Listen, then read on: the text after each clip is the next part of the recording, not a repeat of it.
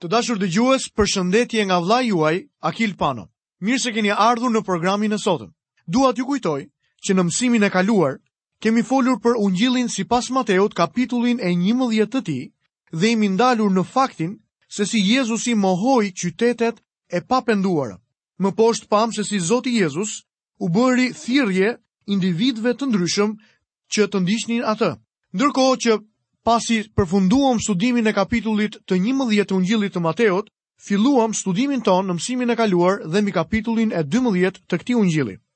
Pamë që tema e këtij kapitulli ishte konflikti dhe prishja përfundimtare e Jezusit me drejtuesit fetarë të asaj kohë. Ndërsa në mësimin e sotëm, do të shohim se si farisenjtë thurin komplote për vdekjen e Jezusit. Përpara se të fillojmë mësimin e sotëm, le t'i lutemi së bashku Perëndisë që të kemi një kohë të bekuar, ndërkohë që hapim fjalën e tij, Perëndia të hapë zemrat tona dhe të na ushqejë me manën e tij. Perëndi i dashur, unë të falenderoj për privilegjin që kam, të dëgjoj sot fjalën tënde. Lutem o Zot që ti të më flasësh mua dhe të ndërtosh besimin tim mbi fjalën tënde të gjallë. Lutem që fryma jote e shenjtë të më flasë. Perëndi unë të falenderoj për mundësinë e madhe që ti je duke më dhënë mua dhe gjithë dëgjuesve të tjerë. Të mund të qëndrojmë ashtu siç Maria bëri, pranë këmbëve të Jezusit për të dëgjuar Jezusin të flasë. O Zot, jemi sot këtu dhe e dedikojmë o Zot këtë kohë për të dëgjuar personin tënd t'i flasë jetëve tona. Të lutem o Zot, ndërkohë që dorëzojmë shqetësimet, problemet, barrat e ndryshme, sëmundjet tona tek ty, sepse ti ke premtuar që ti je shëruesi ynë dhe ti do të kujdesesh për ne. Të lutem o Zot, restauro çdo zemër të thyer. Ngri në këmbë çdo vëlla dhe motër që është rrëzuar në mëkat. Të lutem o Zot, fliti fëmijëve të tu me anë të fjalës tënde. Në emrin e Jezusit, unë lutem. Amen. Atëherë pa u vonuar, le të fillojmë menjëherë mësimin e sotëm. Kjo pikë shënon prishjen përfundimtare midis udhëheqësve fetarë dhe Jezusit. Dhe është pikërisht ky momenti kur ata vendosin ta shkatërrojnë atë fare. Lexojmë vargun e 14 të kapitullit të 12 të Ungjillit sipas Mateut. Por farisenjtë, mbasi dolën jashtë, bënin këshillë kundër tij si ta vrasin. Deri në këtë moment, farisenjtë ishin treguar miqësorë. Ata ishin përpjekur ta mbanin Jezusin me të mirë, duke ecur kësisoj nën hijen e lavdisë së tij. Por Zoti nuk pranoi të ecte me ta, dhe kështu ata u bënë armiqtë e tij. Prishja dhe konflikti i hapur filluan me çështjen e ditës së shtunë. Ky është dhe momenti kur këta qenë policie, të mbushur me urrejtje, vazhdojnë ta ndjekin Jezusin këmba këmbës dhe nuk pushojnë derisa të këqyrin me indiferencë varjen e tij në kryq. Tani ata fillojnë të thurin komplote për vdekjen e tij. dhe padyshim që duan ta arrestojnë sa më shpejt, por u druhen turmave që e ndjekin. Tani do të lexojmë vargun e 15. Por kur Jezusi e mori vesh, u largua prej andej dhe turma të mëdha e ndiqnin dhe ai i shëroi të gjithë. Veprimi i farisenjve bëri që Jezusi të tërhiqej përkohësisht diku tjetër, pasi koha e tij nuk kishte ardhur ende. pra ata nuk do t'i bien më në qafë derisa ora e Jezusit të ketë ardhur. Është interesante të vëmë re se Jezusi nuk shëroi vetëm disa persona mes turmës, por i shëroi të gjithë. Ne sot as nuk mund ta marrim me mend se çfarë përshtypje të madhe bëri kjo ngjarje në kohën në të cilën Zoti Jezus vizitoi tokën. Ishte diçka tejet e habitshme. Atyre iu mbetej vetëm ta pranonin ose ta mohonin Jezusin. Rrugë të mesme nuk kishte. Edhe sot e kësaj dite, Jezusi shfaqet si mbartës kontradiktash. Armiku e ndjek ende atë. Ka shumë drama dhe libra të ndyrë që blasfemojnë kundër Jezusit. Edhe ju jeni përpara zgjedhjes për ta patur Jezusin mikun tuaj ose armikun tuaj. Në bazë të zgjedhjes që ju do të bëni, Jezusi do të jetë shpëtimtari ose gjyqtari juaj. Jezu Krishti nuk mund të hiqet qafe kollaj. Ai i shëroi turmat. Lexojmë vargun e 16. Dhe i urdhëroi ata rreptësisht të mos thonin kush ishte ai. Zoti Jezus nuk erdhi në tokë si një magjistar. pra si dikush që bën vetëm mrekulli. Përkundrazi, ai erdhi për të paraqitur pretendimet dhe pohimet e tij mesianike. Kur e mohuan, Jezusi vazhdoi rrugën e tij drejt kryqit për t'u bërë shpëtimtari i botës. Mrekullitë e tij bënë që turmat të shtyheshin pas tij, deri aty, sa ai të mos e vazhdonte shërbesën e tij, ashtu siç ai e dëshironte. Le të lexojmë vargjet 17 deri 20. me qëllim që të përmbushej ç'ishte thënë nëpërmjet profetit Isaia që thotë, Ja shërbëtori im, që unë e zgjodha, i dashuri im, në të cilin shpirti im është i kënaqur. Unë do ta vë frymën time mbi të dhe ai do t'u shpallë drejtësinë popujve. Ai nuk do të zihet dhe as nuk do të bërtasë dhe askush nuk do t'ia dëgjojë zërin e tij nëpër sheshe. Ai nuk do ta thërrmojë kallamin e thyer dhe nuk do ta shuajë kandilin që bën tym, derisa të mos e ketë bërë të triumfojë drejtësinë. Ai nuk do ta thërrmojë kallamin e thyer. Jo, përkundrazi, Jezusi do ta lidhë këtë kallam, e cila do ta lejojë atë të veprojë kështu. Dhe nuk do ta shuajë kandilin që bën tym, derisa të mos e ketë bërë të triumfojë drejtësinë. Jo, në rast se dikush vazhdon të mos e pranojë atë, kandili do të shpërthejë në flakët e zjarrit të gjykimit. Zoti nuk do ta shuajë, pasi ai e ka bërë njeriun me vullnet të lirë. Lexojmë vargun e 21. Dhe njerëzit do të shpresojnë në emrin e tij. Miqtë e mi, në kohën tonë ka një lëvizje të qartë, jo vetëm në drejtim të përmbushjes së profecisë në përgjithësi, por në drejtim të përmbushjes së profecisë lidhur me paganët. E pra, ata duhet të shpëtohen. Mohimi i Krishtit nga ana e popullit të vet çoi në ofertën e tij hirplotë për popujt paganë. Tek veprat e apostujve thuhet se Jezusi e thirri Palin që të ishte misionar tek paganët. Shikoni se çfarë thuhet tek veprat kapitulli 26 dhe vargu i 18. që t'u çelësh sytë atyre dhe t'i kthesh nga errësira në dritë dhe nga pushteti i Satanit tek Perëndia, që të marrin me anë të besimit në mua faljen e mëkateve dhe një trashëgim midis të shenjtëruarve. Le të shohim se çfarë kapitulli i 12 do të flasë për mëkatin e pafalshëm. Lexojmë vargjet 22 dhe 23. Atëherë i paraqitën një të demonizuar që ishte i verbër dhe memec. dhe ai e shëroi. Kështu që i verbri dhe memeci fliste dhe shikonte. Dhe mbarë turmat çuditeshin dhe thonin: A mos është ky biri i Davidit? Me fjalë të tjera, kjo do të thoshte: Ai është Mesia, i cili po paraqet edhe letrat e tij kredenciale. Kjo mrekulli e radhës ishte e jashtëzakonshme, po aq e jashtëzakonshme sa dhe ajo e ringjalljes së dikujt në mos edhe më tepër. Mrekullitë e vazhdueshme të Jezusit në shërim dhe nxjerrjen jashtë të demonëve i bindën njerëzit se Jezusi ishte vërtet Biri i Davidit, Mesia i premtuar. Por çfarë thanë farisenjtë në lidhje me këtë çështje? Le të shohim vargun 24. Por farisenjtë kur e dëgjuan këtë thanë: Ky i dëbon demonët vetëm me fuqinë e Belzebubit, princit të demonëve. Ky fakt përbën edhe çështjen e mëkatit të pafalshëm. Le ta ndjekim me kujdes se çfarë thotë fjala e Perëndisë për këtë çështje në vazhdim. Lexojmë vargjet 22 dhe 23. Dhe Jezusi duke njohur mendimet e tyre u tha: Çdo mbretëri që përçahet në vetvete shkon drejt shkatërrimit, dhe çdo qytet ose shtëpi që përçahet në vetvete, nuk shkon gjatë. Atëherë, në qoftë se satani dëbon satanan, ai është i përçarë në vetvete. Dhe si mund të qëndrojë mbretëria e tij? Dhe në qoftë se unë i dëboj djajtë me ndihmën e Belzebubit, me ndihmën e kujt i dëbojnë bijtë tuaj? Prandaj ata do të jenë gjykatësit tuaj. E pra ata kurrë nuk do të guxonin të thoshnin se njerëzit e tyre i nxirrnin jashtë demonët me ndihmën e Belzebubit. Lexojmë më poshtë vargun e 28. Por në qoftë se unë i dëboj djajtë me ndihmën e frymës së Perëndisë, atëherë mbretëria e Perëndisë ka ardhur në mesin tuaj. Mbretëria e Perëndisë ka ardhur në mesin tuaj. Kjo shprehje do të thotë prania e Mesisë. Vetë Krishti po thotë, Ja ku jam. Fuqia ime për të nxjerrë jashtë demonët është letra ime kredenciale. Lexojmë vargjet 29 deri 32. Ose si mund të hyjë dikush në shtëpinë e të fuqishmit dhe t'i grabisë pasurinë, po të mos e ketë lidhur më parë të fuqishmin. Vetëm atëherë ai do të mund t'ia plaçkisë shtëpinë. Kush nuk është me mua, është kundër meje, dhe kush nuk mbledh me mua, shkapërderdh.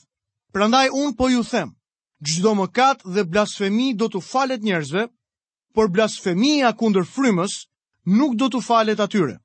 Dhe kushdo që flet kundër Birit të njeriut do të falet, por ai që flet kundër frymës së shenjtë nuk do të falet as në këtë botë, as në atë të ardhme. I dashur dëgjues, s'ka mëkat të bërë në të kaluarën që Zoti nuk mund ta falë sot, sepse Jezusi vdiq për të gjitha mëkatet tona. Fryma e Shenjtë erdhi në tokë për ta bërë shpëtimin e Krishtit të vërtetë për zemrat e njerëzve.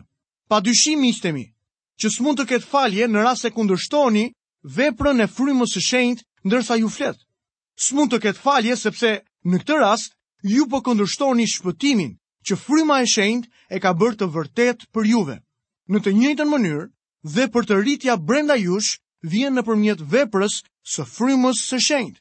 Tek Ungjilli sipas Markut në kapitullin e tretë, Zoti e përforcon çështjen e mëkatit të pafalshëm, duke thënë se një mëkat i tillë e konsideron veprën e frymës së Perëndisë si vepër të Satanit, se Krishti i kishte bërë të gjitha këto mrekulli me ndihmën e Belzebubit, kur në të vërtetë ai i kishte bërë ato me anë të frymës së Perëndisë. Me pak fjalë, këta njerëz po mohonin kësisoj dëshminë e tij dhe dëshminë e frymës së shenjtë. Nuk ka asnjë vepër mëkatare që mund të kryhet dhe që nuk do të mund të falet. Por sigurisht nuk ka falje në rast se kundërshtoni frymën e shenjtë që është edhe personi i tretë i trinisë që sjell faljen tek ju. Kjo është e ngjashme me atë rastin kur mjeku i thotë një pacienti që është duke vdekur për një sëmundje se ka një ilaç për ta kuruar. Në rast se pacienti nuk pranon ta marrë ilaçin në fjalë, vdes jo nga sëmundja, por ngaqë nuk ka pranuar të kurohet. Ka një ilaç shërues për mëkatin dhe fryma e shenjtë është ajo që e sjell tek ju. Por në rast se vazhdoni të kundërshtoni me kokëfortësi, nuk do të ketë kurim të ngelur për juve. Kjo është e vetmja mënyrë në kohën tonë se si mëkati i kryer mund të mbetet i pafalshëm. Më tej Zoti Jezus vazhdon. Lexojmë vargun e 34. O pjellë nepërkash, si mund të flisni mirë kur jeni të këqij, sepse ç'ka zemra, qet goja. Mbani mend se edhe Gjon Pagëzori iu ishte drejtuar atyre me shprehjen o pjellë nepërkash. Lexojmë vargun e 35. Njeriu i mirë nga thesari i mirë i zemrës nxjerr gjëra, por njeriu i keq nxjerr gjëra të këqija nga thesari i tij i keq. Dikush është shprehur një herë se kova e gojës do të nxjerrë lart atë që gjendet në pusin e zemrës. Ky dënim publik i ashpër i Jezusit mbi farisenjtë nxjerr në pah se ai i kishte mohuar ata. A e kishin kryer ata mëkatin e pafalshëm ndërkohë? Ajo që duket qartë është prishja përfundimtare e tij me këta armiq dhe fakti që plaga e hapur nuk mund të shërohej lehtë. Lexojmë vargun e 36 dhe të 37. Por unë po ju them se ditën e gjyqit njerëzit do të japin llogari për çdo fjalë të kotë që kanë thënë. Shprehja fjalë e kotë e përdorur këtu i referohet blasfemive. Sepse në bazë të fjalëve të tua do të justifikohesh dhe në bazë të fjalëve të tua do të dënohesh. Me fjalë të tjera do të dënoheni sepse po flisni gjërat që janë në zemrën tuaj. Le të shohim më poshtë vargun e 38 se si skribët dhe farisenjtë janë duke kërkuar një shenjë prej Jezusit. Atëherë disa skribë dhe farisenj e pyetën duke thënë: Mësues, ne duam të shohim ndonjë shenjë prej teje. Në këtë moment, skribët dhe farisenjtë përdorin një tjetër mënyrë të mprehtë komunikimi me Jezusin. Duke i kërkuar një shenjë, duket sikur bien dakord me programin e tij, por ata nuk kanë si qëllim të besojnë për shkak të një shenje të kërkuar. Ata thjesht po përpichen ta zënë Jezusin në kurth. Por le të shohim më poshtë se si Jezusi iu përgjigjet atyre. Lexojmë vargun e 39. Por ai duke iu përgjigjur u tha: Ky brez i mbrapshtë kërkon një shenjë, por asnjë shenjë nuk do t'i jepet përveç shenjës së profetit Jona. Cila ishte kjo shenjë? Le të vazhdojmë të dëgjojmë se ç'thotë më tej Zoti Jezus. Lexojmë vargun e 40. Në fakt, ashtu si Jona qëndroi 3 ditë e 3 net në barkun e peshkut të madh, Kështu biri i njeriut do të qëndrojë tri ditë e tri net në zemër të tokës. Kësisoj Zoti kundërshtoi në mënyrë kategorike t'u jepte atyre një shenjë, por i drejtoi tek dy ngjarje që gjenden të pasqyruara në Testamentin e Vjetër. E para është ngjarja e profetit Jona. Duket se Jona ishte ringjallur prej së vdekurish, ndërsa gjendej në barkun e peshkut të madh. Perëndia e solli atë nga errësira e vdekjes në dritën e jetës. Përvoja e Jonës ishte tipike me varrosjen dhe ringjalljen e Jezu Krishtit që do të ndodhte. Lexojmë vargun e 41. Banorët e Ninivit do të ringjallen në gjyq bashkë me këtë brez dhe do ta dënojnë, sepse ata u penduan me predikimin e Jonës. Dhe ja, këtu është një më i madh se Jona. Ndodhi që pas shpëtimit të Jonas nga peshku i madh, Ninivasit e pranuan atë dhe predikimin e tij, dhe si rrjedhim u penduan për mëkatet e tyre. Veprimet e Izraelit si komb e vendosnin atë në një pozicion akoma dhe më të keq se populli ninivas. pasi kombi izraelit nuk e pranoi Mesinë dhe nuk u pendua. Ngjarja e dytë që Zoti Jezus iu tregoi farisenjve duke iu përgjigjur kërkesës së tyre për një shenjë, kishte të bënte me Solomonin. Lexojmë vargun e 42. Mbretëresha e jugut do të ringjallet në gjyq bashkë me këtë brez dhe do ta dënojë, sepse ajo erdhi nga skaji më i largët i tokës për të dëgjuar diturinë e Solomonit. Dhe ja, Këtu është një më i madh se Solomoni. Jezusi pra ishte më i madh se Jona dhe Solomoni. Mbretëresha e Shebas udhëtoi nga skajet e tokës për të dëgjuar urtësinë e tij. Po kështu, Zoti Jezus kishte ardhur nga qielli në tokë, por ata nuk denjuan të ktheheshin tek ai. Në këto momente, Jezusi po jep shëmbëlltyrat e tij më të thella dhe mbresëlënëse. Lexojmë vargjet 43. Tani kur fryma ka dalë nga një njeri, endet nëpër vende të thata duke kërkuar qetësi, por nuk e gjen. Kur fryma e ndyrë largohet nga një njeri, ai mendon se është pastruar përfundimisht, por ç'ndodh në të vërtetë? Lexojmë vargun e 44. Atëherë thotë, Do të kthehem në shtëpinë time nga kam dalë, por kur arrin e gjen të zbrazët, të pastruar dhe të zbukuruar. Me fjalë të tjera, korrigjimi apo reformimi nuk është i mirë. Miqtë mi, heqja dorë nga gjëra të caktuara nuk do t'ju bëjë të krishterë. Në rast se në këtë çast që po ju flas, të gjithë njerëzit e botës do të hiqnin dorë nga mëkatet, minutën apo ditën tjetër nuk do të kishte as edhe një të krishterë, sepse nuk është të hequrit dorë nga mëkatet që na bën të krishterë. Nuk është korrigjimi ai për të cilin kemi nevojë. Lexojmë vargun e 45. Atëherë shkon e merr me vete shtatë frymëra të tjera më të liga se ai, të cilët hyjnë dhe banojnë aty. Kështu gjendja e fundit e këtij njeriu bëhet më e keqe nga e mëparshmja. Kështu do t'i ndodhë edhe këtij brezi të mbrapshtë. Me ne sot është e njëjta situatë.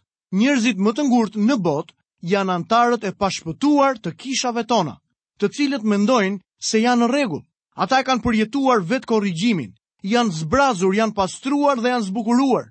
Tani janë si një shtëpi bosh, dhe kështu frymërave të ndyra nuk iu mbetet gjë tjetër, veçse të hyjnë brenda tyre. Tashmë është djalli ai që i zotëron, por ata nuk e kuptojnë dot këtë gjë. Korrigjimi do të thotë vdekje dhe shkatërrim. Rimëkëmbja do të thotë jetë dhe liri. Pjesa e fundit e këtij kapitulli është edhe më befasuese dhe ka lidhje të drejtpërdrejtë me atë që u fol më sipër. Ekziston një marrëdhënie që është më e madhe se ajo midis nënës dhe fëmijës së saj. Madje, edhe se ajo midis vëllezërve të një gjaku. Kjo është marrëdhënia që krijohet me Perëndinë përmes Jezu Krishtit, duke pasur besim tek ai. Le të lexojmë më poshtë në kapitullin e 12 të Ungjillit sipas Mateut, vargjet 46 deri 49. Ndërsa ai vazhdonte t'u fliste turmave, ja nëna e tij dhe vëllezërit e tij po rrinin jashtë dhe kërkonin të flisnin me të. Dhe dikush i tha, Ja nëna jote dhe vëllezërit e tu, janë atje jashtë dhe duan të flasin me ty. Por ai duke iu përgjigjur, i tha atij që e kishte lajmëruar. Kush është nëna ime dhe kush janë vëllezërit e mi? E shtriu dorën e vet drejt dishepujve të vet dhe tha, ja nëna ime dhe vëllezërit e mi. Me pak fjalë, Zoti po thotë këtu se marrëdhënia midis Krishtit dhe besimtarit është marrëdhënia më e fortë që ekziston në botë. Miqtë mi, në rast se jeni fëmijët e Perëndisë dhe njerëzit e familjes suaj janë ende të pashpëtuar, ju jeni më të afërt me Jezu Krishtin se sa me farefisin tuaj, përfshi këtu edhe nënën që ju solli në jetë. Ju keni lidhje më të forta me besimtarët e tjerë se sa me njerëzit e pashpëtuar të familjeve tuaja. Kjo është e jashtëzakonshme. Jezusi këtu po flet për një marrëdhënie të re. Shikojmë vargun e 50. Sepse kushdo që kryen vullnetin e Atit tim që është në qiej, më është vëlla, motër edhe nënë. Atëherë cili është vullneti i Atit? Të dëgjoni Zotin Jezu Krisht, ta pranoni atë dhe të besoni tek ai. Të dashur dëgjues, këtu kemi mbrritur dhe në fundin e programit të sotëm. Dua t'ju rikujtoj që në mësimin e sotëm kemi folur për kapitullin e dymbëdhjetë të Ungjillit sipas Mateut. Kemi parë në mënyrë të detajuar se si skribët dhe farisenjtë kërkuan një shenjë prej Jezusit, por Jezusi i përgjigjet duke u treguar atyre që atyre nuk do t'i jepet asnjë shenjë tjetër përveçse shenjës së Jonës. Shenjë e cila ishte e vendosur në këtë ungjill në mënyrë paralele me ngjarjen më të lavdishme të gjithë Biblës, vdekjen dhe ringjalljen e Zotit Jezus. Më po shohim në këtë mësim, përmes vargjeve që Jezusi na zbulon, që njerëzit nuk kanë nevojë vetëm që të qortohen dhe të korrigjohen për gabimet e tyre, por ato kanë nevojë më shumë të restaurohen dhe të rimkëmben, të njohin dashurinë e pamasë të Jezusit. I dashur dëgjues, nga unë vëllai juaj Akil Pano, keni të gjitha bekimet e Perëndisë dhe paqen e tij në jetën tuaj. Bashkë, mirudëgjofshim në emisionin e ardhshëm.